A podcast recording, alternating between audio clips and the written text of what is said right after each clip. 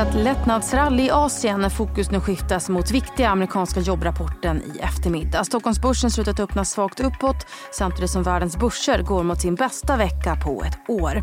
Mitt namn är Ylva Johansson. Det här är DI Morgonkoll.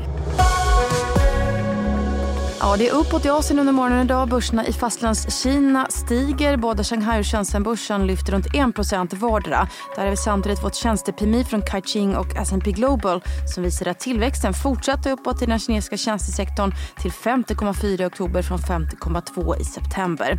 Samtidigt så sjönk aktiviteten i den privata sektorn i Hongkong ytterligare till 48,9 enligt S&P Globals inköpschefsindex. Hongkongbörsen stiger dock över 2% idag. Seoulbörsen lyfter 1 Tokyobörsen håller dock stängt idag till följd av en härlig dag. Vi kan väl dock nämna att japanska biltillverkaren Toyota återkallar över 1,8 miljoner bilar i USA av modellen RAV4 av årsmodellerna 2015 till 2018 eftersom bilarnas batterier kan fatta eld vid kraftiga svängningar.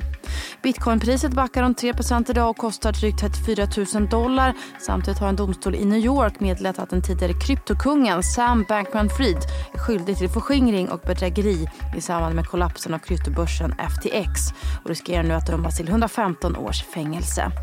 Börserna på Wall Street fortsatte uppåt efter Feds räntebesked i onsdags och oväntat duvaktiga signaler från Fed-chefen John Powell som fått marknaden att tro att Fed är klar med sina räntehöjningar. Både Bredasby och till 90 Nasdaq steg 2% vardera och hade sin bästa dag sedan i april. Samtidigt fortsatte de amerikanska långräntorna neråt. Tioåringen står nu 4,66% vilket gav skjuts åt techsektorn som steg på bred front med Tesla i täten. Apple backade nästan 4% i efterhand efter att ha släppt sin rapport efter stängning. Vinsten var visserligen något högre än väntat men intäkterna minskade för fjärde kvartalet i rad och man flaggade för att man inte väntar sig gå med vinst i det viktiga julkvartalet som väntar. Samtidigt var omsättningen lägre än väntat på den viktiga marknaden i Kina. Under ordinarie handelstid så rusade Starbucks 10 efter att ha överträffat förväntan både vad gäller resultat och omsättning. Moderna däremot gjorde en förlust och tog en nedskrivning kopplad till oanvända coronavaccin och föll 6% Även läkemedelsjätten Ila Lilly redovisade lägre vinst än väntat och sänkte dessutom sina prognoser för helåret. Omsättningen för bolagets diabetesläkemedel överträffade däremot förväntningarna och aktien lyfte 5% Bortom rapporterna så rusade Klarna konkurrenter konkurrenten Affirm 20% efter nyheten att Amazon kommer använda bolagets betallösning. Nu riktar marknaden sitt fokus mot viktiga amerikanska jobbrapporten om Farm Payrolls i eftermiddag. Sysselsättningen väntas ha ökat med 172 000 efter att ha ökat betydligt mer än väntat med 336 000 i september. Om statistiken är svag då väntas de amerikanska långräntorna fortsätta ner men om statistiken kommer in starkare än väntat kan marknaden återigen börja oroa sig över nya räntehöjningar ifrån Fed. Dessutom får vi en uppdatering från den amerikanska tjänstesektorn i form av ESMs tjänste-PMI för oktober som väntas uppvisa en minimal ökning sen förra månaden till 53,7. Schweiziska myndigheter och storbanker, däribland UBS, diskuterar nya åtgärder för hur bankrusningar ska förhindras enligt källor till Reuters. Bland åtgärderna som man diskuterar finns avgifter på försäljningar och möjligheten för banker att sprida ut uttag över längre tidsperioder och belöna kunder som binder sitt kapital längre med högre sparräntor. Motståndare hävdar dock att åtgärderna kan skada både bankerna och konkurrensen.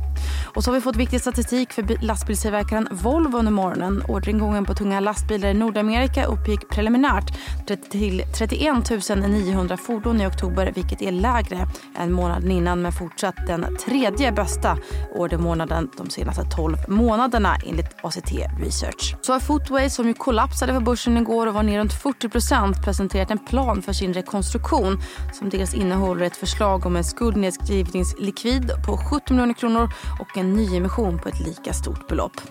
Efter att Stockholms lokaltrafik SL brutit avtalet med MTR för pendeltågstrafiken ska MTR nu betala 580 miljoner kronor i skadestånd till regionen som en konsekvens av de störningar som varit i pendeltågstrafiken samt att uppdraget avslutas i förtid, rapporterar tidningen Arbetsvärlden. Idag ser vi fram emot hur det går den svenska tjänstesektorn när vi får PMI från Swedbank Silf och månadsstatistik från Avanza och Nordnet. Glöm inte också att det är halvdag på börsen idag inför alla helgona. Så skynda er att handla. Börsmorgon sänds ju precis som vanligt klockan 8.45 idag med Medcovers vd i programmet om rapporten. Mitt namn är Ylva Johansson. Du har lyssnat på Di Morgonkoll som är tillbaka igen på måndag.